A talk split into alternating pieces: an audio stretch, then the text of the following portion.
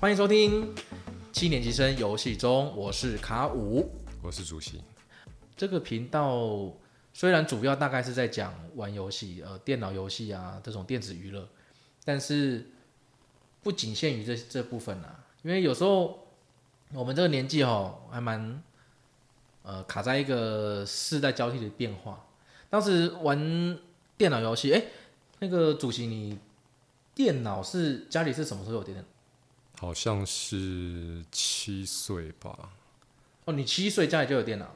七岁、是哦，对对对，是是因为当时你们家那个嘛工作的关系，所以有电脑。没有，那时候就是就是我爸那时候他拿来玩那个波斯王子吧，好像。哦，波斯王子，对诶波斯王子就是那个嘛，就是白色衣服跳下去蹦蹦蹦，然后会有石板往下掉啊，然后他有个他有个沙漏，哦，对我我记得那个时候也是我们国小，如果哎有有有有国小的时候就有那个电脑课，然后我们会偷偷用那个当时的软碟机，我不是现在很可能很多很多人不知道，就是那个时候我们已经是用三点五磁片了，在更早期的时候是那个五点二五磁片更大张的，那个时候你们是用五点二五磁片吗？嗯，你说你七岁的时候，嗯，我小一吧，我我没有什么印象，没有印象，因为那时候是七那个很大张的五点二五磁片，它的那个 size 啊是跟那个光碟机，就是它那那台读取机器是跟光碟机一样。结果现在很多人的电脑都没有光碟机。一九九零出生的应该都没有看过了吧？一九九零出生不会没看过吧？一九九零出生，对，呃因为我记得我记得没错的话，以前哦、我买那个什么世纪帝国那个时代，世纪帝国二代，我是说二代那个时候国中。那不就光碟了吗？国小对，那时候光碟嘛。对啊，那那在那之后，一直到了呃，我记得我到高中到大学的时候，电脑都还是有装光碟机。我们国小那个时候三点五磁片还有，当时有上那个电脑课，我们会用那个三点五磁片，嗯，是一点四四 mega 赫兹，啊，不，一点四四 mega 那个容量啊，嗯一点四四 mega 装波斯王子，可是那个时候的波斯王子理论上好像比它原生的档案大一点呢，什么？你这是什么意思？就是呃，因为早期波斯王子好像在俗称呃就是三八六的时候就有的游戏嘛，我很久了，就是反正你就是磁片插进去嘛，然后 CD 空格不呃没有，先切换到什么槽 A 槽还是什么槽然后呃，软碟机 A 槽那个时候 A 都 A 是槽啊，对啊，然后它就嘎啦嘎啦，然后你就 CD 空格 PINC，然后再呃输入回车键，然后再哦回车 PINC，Enter 键那里回车嘞，然后然后它就会出现一个很就是巴比特那一个城堡画面嘛，噔噔噔噔，对啊然后就就锵，然后一个王子就跳出来这样子，对对对，我我记得当时是几关，十关还是十二关？十二关一个小时十二，关的，一个小时对过。对，对有那个时候哇，像其实说说真的啊，那个时候它有存档机制，我记得是有的，但是我们好像没有这么去使用过，因为我们不知道存档快捷键。它没有存档啊，你就一死就是从关卡的从头来啊。可是我记得，因为当时你游戏不一定没有人，没有人买了一款游戏，当天就可以马上全破嘛，很少啦。以当时来讲啊，所以你只要每次重重来就是重玩啊。对啊。可是我记得那个游戏应该是可以存档的，我记得是没有，你记得没有？我因为我每次玩每次都是从第一关。我也是每次玩的，因为我们一直不知道它的存档，然后没关系，如果有有听众有听到这个 呃，并且你有玩过波斯王子一代，就是最早的，好像是三八六那个时代吧，啊，后来在那个 MS DOS 系统下面有，我记得它应该是当时我不确定呢，好像是移植，它最早是不是出在麦金塔电脑？呃，好像有吧。对，对好像是出在麦金塔电脑，然后之后 MS DOS 那个应该是移植版，所以我们玩三点五寸磁片，那时候装的好像就要到八百多 KB 了。以当时来讲，那个游戏量很大呢，所以其实应该那个应该不是原生原生版。我我是对这个没有研究，但是我只知道从玩了一代之后，一直到后续全部的波斯王子整个系列我都玩了。所以主席你就是个波斯王子迷。就是对，然后还有同时也是罗拉，我一直希望他们能在一起。哦，你想，所以是希望波斯王子跟罗拉在一起，可是他们的时代差很远哎、因为我觉得他们就是兴趣啊，什么各方面都还蛮符合的。可是你要说兴趣的话，我觉得罗拉他应该是跟另外那个吧，德瑞克是并列两大游戏界遗迹破坏者。德瑞克是谁啊？德瑞哦，你不知道德瑞克？德瑞克就是那个顽皮狗工作室他们做的那个呃，哇，那个那个中文叫什么？呃，顽皮狗。不是不是，顽皮狗是工作室名称。那德瑞克是谁啊？德瑞克就是那个系列的主角。哦，惨了，你看。我 们那那个游戏叫我们什么七年级生，我现在就是在想啊，我们七年级生的哦，那个记忆力已经开始衰。其实我们是主今天主要要谈的是银杏对身体的好处。对，没有错、啊，所以我我只是所以等一下我们一定要赶快去找银杏。哎、没有哎、其实银杏它并不是针对对记忆力有帮助的，因为银杏它其实是、是吗？对，因为银杏它是那个呃，它是会让我们的血液比较不容易凝固，它跟那个阿司匹林的效果有点类似。抗凝血剂。对对对对啊，所以因为有时候我们大脑的那个嗯记忆力衰退，是因为血液就是血大脑血流不活络，所以吃银杏的时候，某些记忆障碍是因为大脑的血液流通不顺造成的，是有帮助，哦但是并不是说年纪大了的那种呃记忆力衰退就是吃银性。哦，对，但关是关于这一点是对，是是这是这个样子的。哦，不是啊，重点是德瑞克是哪个游戏的啊？哦，是惨了，哎、我真的忘记德瑞克，哎、那个德瑞克到底是什么？瑞克我是知，我帮你，我帮我帮你查啊。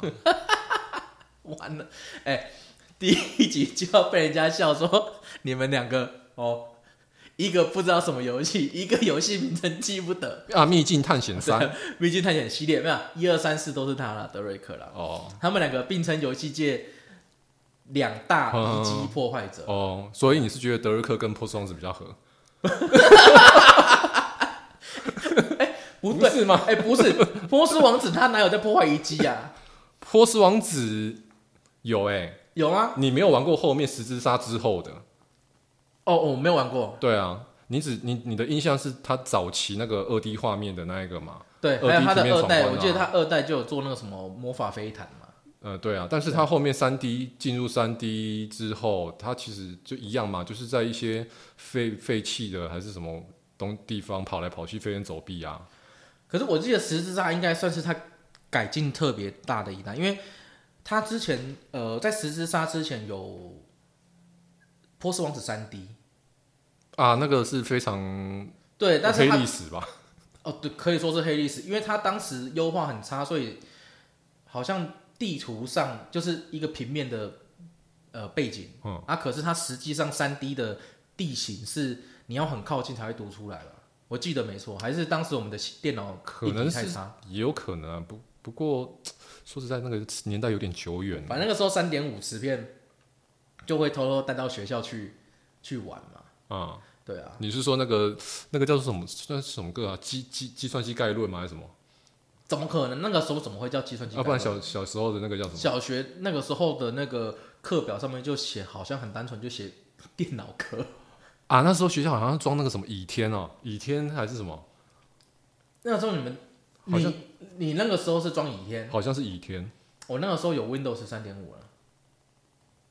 我暴露出年纪了吗？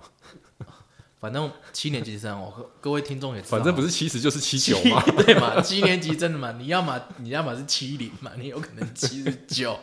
但倚天就可能是比较偏向接，比较接近呃神雕，对，它在神雕后面。哦 OK，所以变成金啊，现在变成金庸了嘛？对飞雪连天射白鹿，笑书神侠对，按倚碧鸳。对啊，按你说，对那个什么第二个接触到的，因为波斯王子完了之后，后来因为就是我个人是比较专精在学业上面，所以 很长的一段时间没玩。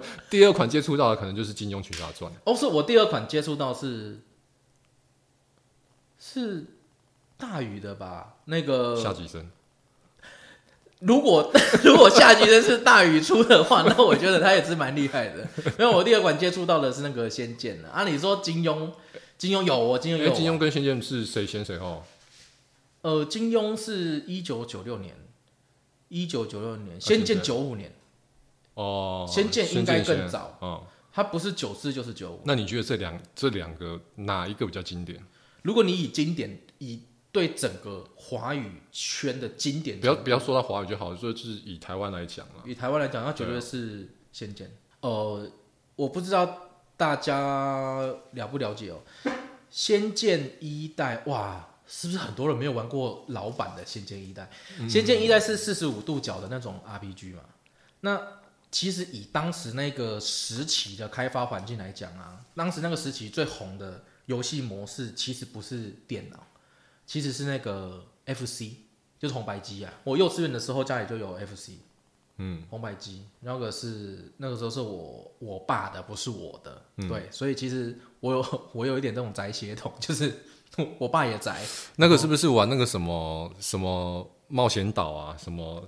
对对，嗯。不可讳言的，当时身为台湾人，就算家里的 FC 上面都是四百合一那种盗版卡带，对，没有错，是的。对啊，那、有再大一点是大补贴啊，对，后来到电脑，因为那个时候电脑的那个盗版非常猖獗嘛，嗯。所以哦，那个时候好多、哦、路上都会有那种摊贩，然后就拿一个本子嘛，你这边翻翻翻，然后上面就写说这是什么游戏什么游戏什么游戏，然后他们就会说什么哦，挑十款啊，或者是挑二十款啊，嗯。什么买二十送一啊，然后选选选勾了之后给他钱，写你的名字给他钱，然后给好像两百块还是还是三百块吧。他就过两天，他就烧一片 CD 来给你这样子啊，就类似邮购那一种。啊，没不是邮购啊，是现场的啦。现场？你说夜市啊，啊。夜市有，夜市有，然后有些是在他们那个模型店模型店里面，对，或者是书局。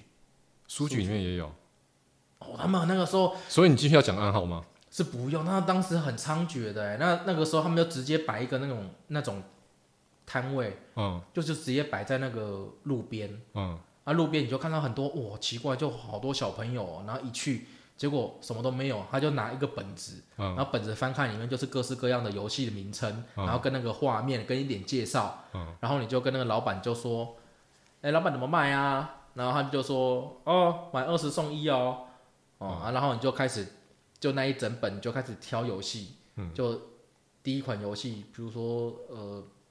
有什么就我要这个这个这个这哎个，然后他就全部弄给你就对对对了。对对你就挑了，然后就装进去。然后有时候因为后期的游戏也开始容量比较大了嘛，对，啊容量比较大的话，有时候一张光碟快一张光碟没有办法装那么多了，嗯，对啊。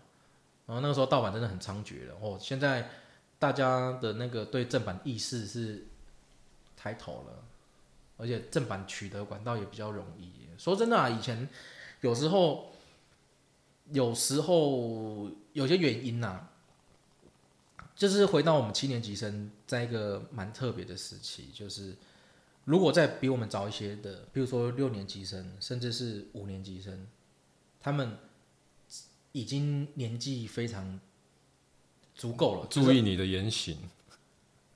呃，不是，呃，他们已经成熟了，是个成熟的大人了。OK，他们当时，当时他们就已经是，比如说有有经济上面的那个，嗯，呃，基础，对，有经济基础。那我们还处于小时候，就是比如说国小，尤其是我们国小那个时候，大家玩心很重啊，才刚开始电脑比较渐渐逐渐普及，嗯，对啊，但是我们并没有那么多的钱去买所谓的正版软体，嗯，那刚刚好又是我们前面的，比如说六年级生、五年级生，他们虽然有经济基础，但是他们的娱乐的角度大概不是在那个位置，他们还是处于一般比较其他的，呃，不是电子这种电子娱乐，当时还没还没起步啦，在他们的心目中还没起步，所以我们七年级生算是刚开头吧。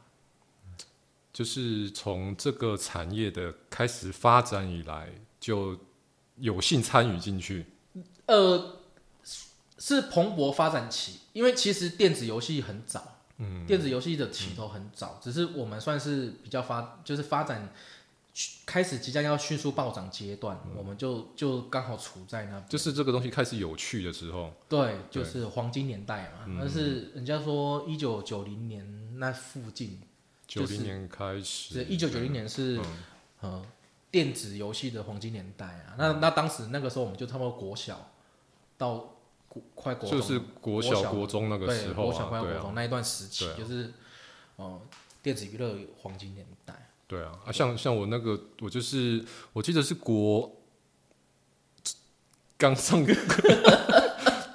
就是差不多那个时候，然后我个同学他就某一天带带着一个小册子，然后一张光碟，然后大家就围着他，然后在那边讨论，就很好奇啊，什么东西？他卖大补帖吗？不是不是不是啊，他正版的 然后然后然后我就靠过去看，然后他就然后他就我就看到上面写着《金庸群侠传》这样。哦，对，然后我想说金庸群，因为那时候这封面很丑那一个嘛。封封面很丑，然后然后一片光碟，然后大家在那边讲说是什么什么里面，反正就是打这个打那个，然后我也不知道那是什么，但是那个同学就说那不然你拿回去网上看，这样子对吼，那个《金庸群侠传》那个时候已经是光碟了。光碟啊，然后前面的动画就是家里电脑完全跑不动啊，呃，对，哦，那个时候家里应该是没有装那个显示卡，对啊，图形加速卡，那但时候有至少游戏是加速卡，游戏是正常可以执行的，对对对对啊，然后就这样子玩啊，当初也不知道是在，其实年代有点久远了，不知道是你你有玩过吗？有我有玩过，而且我当时超喜欢，我我大概全破了，就是从头到尾全破了三四次，四次吧，也许不算多，因为当时吼没有那么多游戏玩了、嗯那、手上一拿到一款游戏吼，就会想要一直不断的去玩，嗯，对啊，啊，说实在啊，那款游戏它的它的内容非常的自由，它自由度相当高。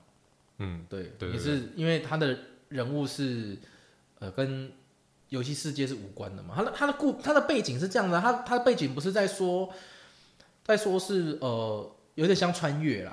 其实哦，啊对对对对对对对它是很早期的穿越嘛，穿越故事就是男主角就是他醒来，然后派大星在旁边跟他，什么那派大星那个是智冠科技的那个 叫什么软体娃娃啦，派大星哎、派大星那个时候，我如果我 派大哦，知道海绵宝宝超智冠科技哦，那个派大星 不是啦，软软体宝宝啦，因为他们软体世界是当时智冠科技的他们的那个杂志嘛，专门在讲游戏的杂志啊，软体世界。软体世界，对，那是智冠科技他发的游戏杂志啊。嗯我记得以前你不是有时候会买嘛，只是你应该不是买软体世界的我是买什么新游戏时代还是什么东西？哦，那那那个是另外另另外一家的吧。嗯，对，啊，反正他就是穿越了之后，他的其实他故事主轴，你可以想象成就是说，哦，那一个世界是一个真实的世界，然后里面就有所有金庸笔下的人物，就是他们的传奇故事。嗯嗯然后他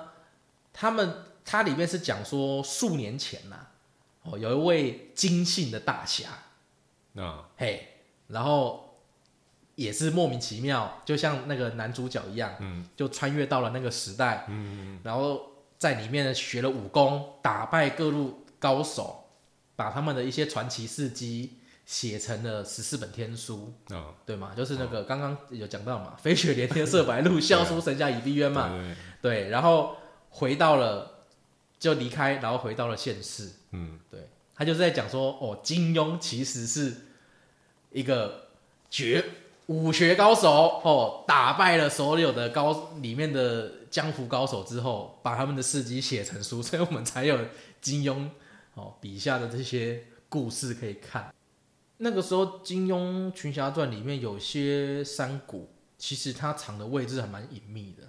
啊，对对对对对，对他我记得我记得有一个有一个山洞的口是，你从角度上面看是看不到对，的，是看不到的。你要你要呃呃，我真的觉得很厉害。为什么？可是当时为什么我们都会知道啊？是当时同学间会一直讲说什么？哎、我就是在那个哪里哪里从哪里进去。我记得好像也是玩过那个游戏之后才开始看那个金庸的小说，哦，你是说哦，所以你是先玩《金庸群侠传》才？所以我在。玩那个游戏之前，我完全不知道金庸这个东西到底是什么。可是我记得当时那个三台，我那个时候只有三台电视嘛，连民视都没有嘛。啊，就会有些那个八点档连续剧，好像就是拍金庸的啦。那时候不是说包青天吗？哦，对，那个时候是包青天呐、施工奇案，施工期间比较后面了。花系列的东西，哦，花系列是当时还有同期的。还有那个琼瑶啊，琼瑶剧啦，对啊，重点是就是没有金庸啊，金庸是金庸剧流行的时候是那个 TVB TVB 香港 TVB 在哦，对，拍因为那的，个对香港香港的他们很对很，好像是从他们那时候开始，所以早期三台的时候好像是啊，早期三台是比较流行古龙啊，楚留香那个，哦，是是是。啊，如果你说你是说香港的他们的连续剧，当时其实台湾也很红，只是台湾的三台没有去播香港的连续剧，所以当时是那个租录影带吗？对是租录影带，哦，对那个那个时期，尤其是九零也是九零年代，一九九零那个时期哦是香港的港剧的黄金年代。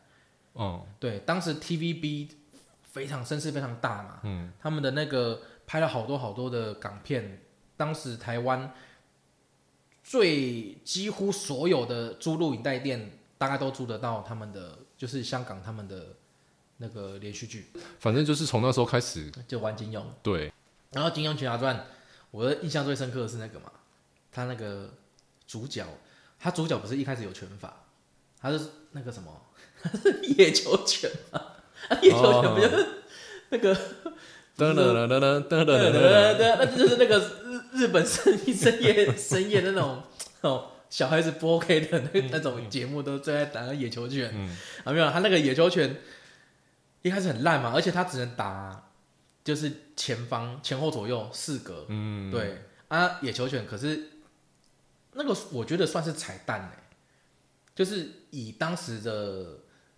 当时其实很多游戏他们会设计这一种方式，只是现在的人比较流行说叫做彩蛋，因为就是不好发现。嗯，因为那个时候野球拳，如果我印象没有错的话，它的技能，它任何技能就是你一直使用，一直使用，它就会获得技能的经验值嘛，然后之后再升级。它不是从等级一到等级十，嗯，对。然后野球拳等级一开始等级一到等级九，它的伤害是完全没差的，不仅伤害没差，而且它的攻击范围永远就是前后左右，就是就是那四格。嗯嗯对，所以老实讲啊，如果在没有任何人去说，就是呃，比如说当时你在玩，然后我也在玩，嗯，然后我就跟如果我没有跟你讲说，哎、野球拳练到第十级，就是九到十，跨越那个康展，嗯。一到十级的时候，它会变成全游戏最强的武功，嗯，你一定没有人会去练的，因为有时候一因为出野球拳是他初始，可是他其实很早就可以拿到不同的那个那个什么，其他的武功，对嘛？因为像一开始去找去呃在智慧谷那边去跟那个老头讲完话之后，地图几乎就开始可以自由探索了，探索了。嗯，那很去到比如说福威镖局林平之那边，就可以直接拿到他的冲锋剑法。哦，就福威镖局镖局的冲锋剑法。那冲锋剑法练起来之后，马上就有招式可以用了。然后甚至那个时候去找田伯光，嗯，然后在那边他会在那边 练帝王神功嘛。那田伯光就站在那个椅子还是哎，好像有桌上点印象，对嘛？啊然后就在那边对呃帝王神功嘛。然后要啊要要入队，啊入队之后，他会给你那个田田诶诶，入队之后，哎、会不会练到他的他的田刀刀法？好像不会，嗯，好像可以呢。好像有吧？对啊因为你只要招一个人入入队，他就会提供他的他的武学给你。好像不是所有的都是这样，只是有些会啦。其实那时候你也没看过金庸的小说嘛，没有没有看过。然后那按那个那一套软体，你是你自己去买的吗？哦，不是不是，是朋友借我的，也是朋友借我的。那，哎，我那个那为？什么那时候你你们会想要玩那个啊？我觉得这其实这是一个很很吊诡的事情呢，因为说真的啦，说老实讲，以前那一个时期啊，我印象中啊，我的游戏几乎很少说是我自己去发现什么游戏，然后去买来玩。嗯多半都是同学。但是我觉得，呃，我印象比较深的是，当时有另外一个远亲的表哥，那个时候我是在他家看到他在玩那个，就是呃《仙剑奇侠传》，嗯我才知道哦，有这样子的游戏。嗯嗯因为他当当时正版游戏，它是要有那个还有它的说明书上面有一个，它其实它有防盗机制的、啊那时候有防盗机制，对对对，而且《仙剑》吼，《仙剑》最早最早的版本是那个五点二五磁片，很大张的五点二五磁片。嗯当时我同学也有，他买一个五点二五磁片版本的，好像里面是十十十二张十二张磁碟片。嗯然后后来才有发一个三点五磁片的版本，是十张磁碟片，因为容量比较大。它的说明书里面就有就有一个，就最后就最后就有一张图，就是他们的有点像他们的封面，然后画成手绘稿，然后分成区块，都是不同颜色。嗯啊，当时游戏进去的时候，它就会秀，比如说秀两个还是三个格子，要你填入，就是这一个区块是对应哪一个颜色。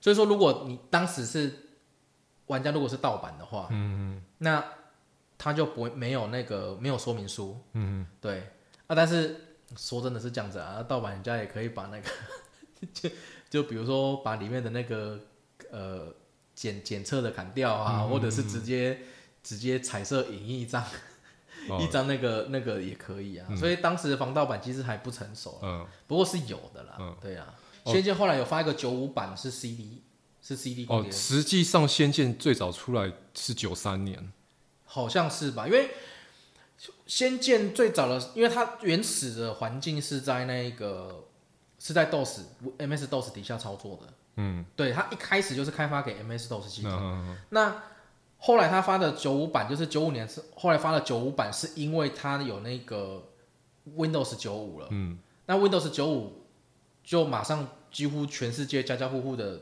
个人电脑都是装 Windows 嘛、嗯 w i n d o w s 九五，那然后才出了一个九五版的，是搭载光碟片，因为当时 Windows 九五就是可以读光碟机，嗯，对，那时候光碟机好像有什么十二十二倍速光碟机哦，还是八倍速啊，八倍速的光碟机，那时候的光碟机上面还有那个哎三点五 mm 的那个哦，对对对可以直接插上去，你都可以听音乐，嗯对啊，对，好棒哦。然后那那时候那时候电脑也都还还保留有那个三点五的那一个嘛，开叫开机磁磁碟上什么什么哦，开机开机碟那个是电脑遇到状况的时候，对啊。插进去开机。对啊，现在的电脑连光碟机都有的都已经拿掉了，哦，我的电脑就没有光碟机了。对啊，是啊，现在有些实体版游戏他们是装在那个，他们里面会附一个 USB 的随身碟，嗯对，然后那个随身碟当然是锁住的啦，就是里面是放他的游戏啦。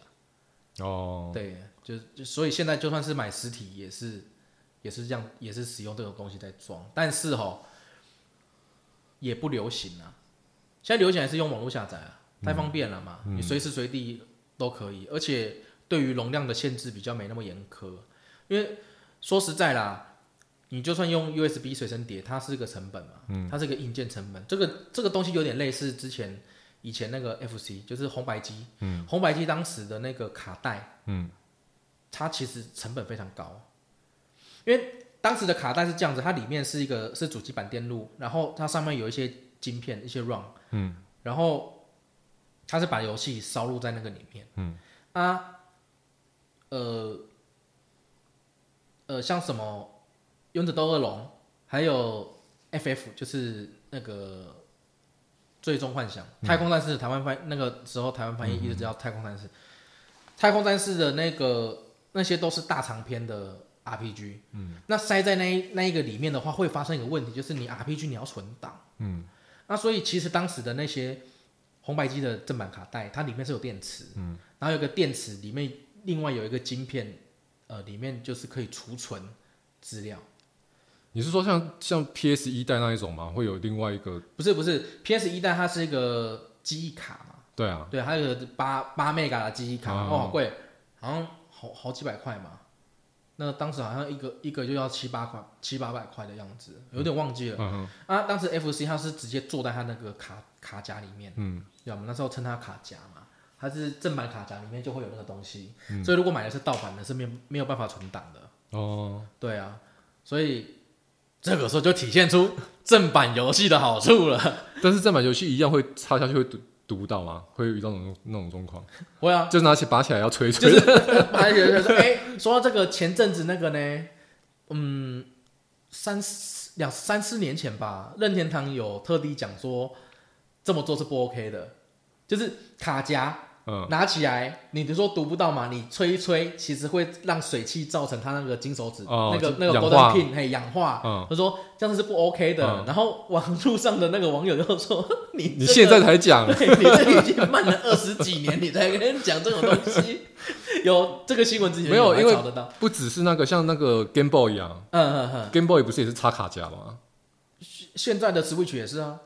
哦，对啊，像像我记得以前玩 Game Boy，有时候好像怪怪的，都是拔起来吹吹，然后对啊一直当时都是当时时都是这样子对啊，啊，有时候甚至是敲一敲啊，对啊，然后不然就是用什么橡皮擦还是什么，把它擦一擦，那个是最合理的。对，正确。那那是那个是那个是相对正确的，对啊。因为就是他们氧化层，只要橡皮擦擦掉之后就可以对，啊，对，就就就像我们电脑里面插的那个记忆体一样嘛。啊，对对对对，没错，是是就是这样子，所以啊但是小时候都不是这样，小时候就是拔起来吹吹吹吹。对对然后然后还比看谁吹比较大对然后就谁肺活量最好，就给他吹吹了就好了，不是是某一个人他吹了有效之后，以后都给他吹。就跟那个什么，永远只有奶奶知道怎么修电视，就是一个角度去敲电视，敲电视，电视就会好。哦，对哦，那个时候的那个时候我们玩 FC 啊，那时候家里楼上有一台嘛，我去你家的时候，啊、你是说打快打旋风那一台吗？对，还有那个时候玩那个忍者龟嘛，忍者龟不是你的吗？忍者龟是我的吗？我的啦。忍者龟是你的啦，对啦，我记得忍者龟是你的。哦哦，对对对嗯对对，有对那个时候，而且那个电视好像是好像是淘汰的嘛，对不对？电视哦、我记得当时好我我像电视其实印象超模超级模糊哎、对啊，不是不是你奶奶淘汰的电视，然后不知道把他，它小小放在反正他那时候我不知道以前以前的那个家长就觉得会他们会有会有一种流 在那个家长之间流传的一个就是说那个电视不能拿来打电动，那电视容易坏。我不知道你有没有遇过，哦是哦，对他们都这样讲哎、他说那个电视电视不能拿来打打游戏哦，那个电视容易坏掉。啊，哎有有有有有有有有，你这样讲有我有听说哦，我这样子有印象了，哇尘封已久的记忆力，尘封已久记忆力都跑出来了，应该他只是单纯不想让我打电动而已吧。对，而且哎，你当时被限制玩游戏吗？我、嗯我我其实还好哎、那个时候已经不不太有人管我了，所以、哦所以我那时候像像那时候不是红色警戒啊，然后哦，哇，也是也是经根本整个都是没有睡在玩的。哇，经典经典，对，红色警戒，然后还有那个什么，另外一个叫什么？你知道，就是反正说来说去又还是金庸啊，那个那个玉泉国际出的那个《笑傲江湖》。哦玉泉国际，呃，我知道，你知道这个玉泉国际，我其实最早接触到它的游戏啊，是那个什么《帝都魔域传》，有款它是一个，它的视角很奇怪，它的视角不是四十五度，不是经所谓的经典四十五度，嗯然后它也不是从正上方看，但是它的角度很高，嗯。对，《帝都魔域传》，嗯。那《帝都魔域传》当时不能算是全，不能算是三 D 游戏，因为它的那个背景是固定的，嗯。对对对，当时玩就觉得哎、还蛮有意思的。嗯，对啊，后来就是我记得那个时候在你那边看到在玩那个《笑笑傲江湖》，笑傲江湖啊。对，《笑傲江湖》就是就是全三 D 的了，对呃对三 D 对，就，全三 D 的了。它的美术，呃，也不能说美术啦，就是 封面跟游戏内容实际上 是有点有点差距的啦。啊封面哦，你是只是说那个什么画的那个画册啊，然后封面啊，然后包括你一开始进进到那个游戏的那个主选单的界面啊，嗯然后主题曲啊，哇，一切都都都很完美。但是你一旦我跟你讲，那个主题曲是那个啊，张信哲啊，张信哲的那个信仰嘛。对啊，对啊，我还买他专辑耶。对啊啊，然后但是你一进入游戏以后，就呃，哎以以现在的以现在的角度来讲的话，是可能会有点傻眼啊。但是以当时来讲，会说哇，就很很精美啊。因为我跟你讲啊，三 D 游戏的进步，它三 D 游戏的那个画面进步爆发期，嗯很很短暂。嗯其实因为其实三 D 游戏是在那个九零年代之后，嗯就是一九九零年，一九九零年之后才开始猛爆性的成长。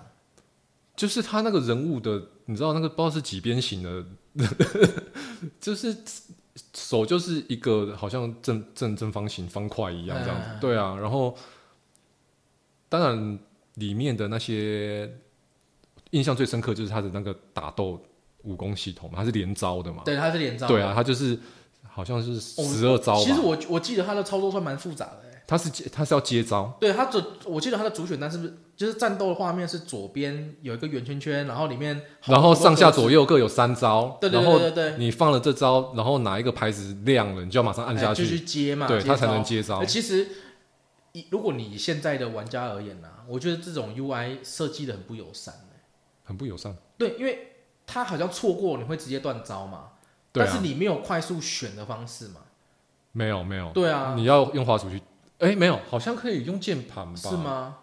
印象中啊，是啊，因为我我是用滑鼠啊，对啊，我我也记得我是用滑鼠啊。嗯，对啊，那时候我记得你玩完之后，我跟我跟跟你借去玩啊。但是但是以那个那个时候来讲，其实是觉得蛮惊艳的。对，其实就是蛮惊艳经验啊。对哦，那我觉得一直以来啊，我们小时候接触到的游戏，然后每一款每一款，嗯，内容不同，风格不同，然后我们都会有一种说，哇，这个游戏怎么这么棒，这么优秀或什么的，对。然后当时游戏不多，嗯，说真的啦，那当时一一个月哦，嗯，一个月内我们能接触到的新游戏有没有两款？我我我我指的不是说我实际上去操作那个游戏，而是我们听到的游戏，哦，就是呃有一款什么游戏，有一款什么游戏，嗯嗯哦新的游戏，这一这一这件事情，嗯，一个月内会不会听同学讨论两款不同的都很难讲。都是集中嘛，集中火力嘛。像那个时候《仙剑》就是大家都是在聊《仙剑》啊，嗯金庸群侠传》大大家就是在聊《金庸群侠传》啊。嗯对啊啊！现在哇，现在游戏出好快啊，尤其手机游戏好多，真的对啊好多、哦。这几年啊，就是从我觉得我应该是有一个失落的十年吧。我自从自从波斯王子没再出新作之后，就失落的是，我就一直到现在。哎，波斯王子不是要出新作，是不是还有要新作有吗？他现在不是都转到刺客教条了吗？波斯王啊，有有有有有有我想起来了，有。有啊。他们好像好像有说波斯王子要再要再重启，因为那个十字扎系列好像有三，好像有三代吧，哦是三代还是四代，然后后来就去当兵了嘛，当兵完就工作嘛，刚好这个移动移动端的这个就开始发展起来，嗯所以就渐渐的就转到手机上面了。好好，对我我手机游戏也是有在玩的，你还是比较主要还是玩那个主机游戏吧？主机啦，PC 啊我我最近我最近有在玩 PC 游戏，因为前我今年是的，二零一二零二零年今年的四月份，我好不容易忍下心来去买了一张二零七零 Super 显示卡，嗯，然后今年年中就遇到了新的三零系显卡出来，啊然后二零系显卡大崩盘的事情。还好我买的不是二零八零，对。不过哎、说真的哎、以前小时候哦，我们不太会去关注说显示卡。最早那个时期啊，是巫毒卡啦，啊，对对对哦，对三 DFX 那个时期，他们叫做巫毒卡。还有什么声霸卡？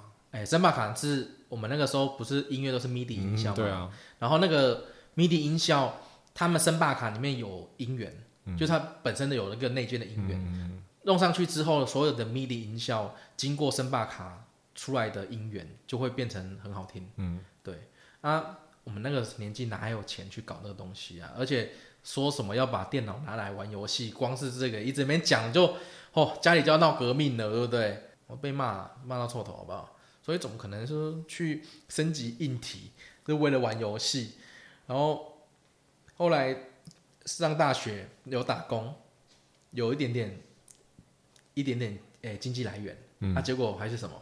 结果还是去买那种过期过季的，就是嗯已经要停产的卡，然后当时就会有学长说，哦，哎，那什么卡现在 CP 值最高，嗯。然后就去买。嗯嗯，哦，所以说真的，七年级生到现在已经 年纪这样子了，但是我还是第一次买全新的线上的显示卡，花了一万，我当时花了一万七千多块，想说硬着头皮给它弄下去，结果就崩盘了，唉，所以哦，有时候觉得说，我们年纪年纪小时候。当时对这个硬体没有追求哦，还蛮快乐的。啊哦哇，今天这样今天要也一个半小时了，哦，真的是一个半小时，哎，到时候剪一剪应该也不会那么长啊。可能半小时吧，一个半哦，录了一个半小时，剪了一小时，剩下半小时。对啊，OK，好，那我们这是我们第一期的节目嘛？对啊，七年级生游戏中，对啊，反正第一次录这个，对，有什么觉得可以改进的地方，还是说有什么建议的话，对，就是欢迎大家告诉我们，对留言。哎，是吗？有有他们会有那个留言可以。呃，如果说没有啦，就是应该会有底下会有留言区吧？对啊，应该是有。好，那我们就嗯，或许下礼拜吧。对，我希望是希望是可以一周一根啊。对啊，一周一根啊。对啊，对。这一期节目就到这边结束喽。我是，哎，我是什么？啊，你不是卡五吗？我卡。我再重重新讲。好。那我们这期节目就到这边结束了。我是卡五，呃，我是主席。好，我们下一期见，拜拜，拜拜。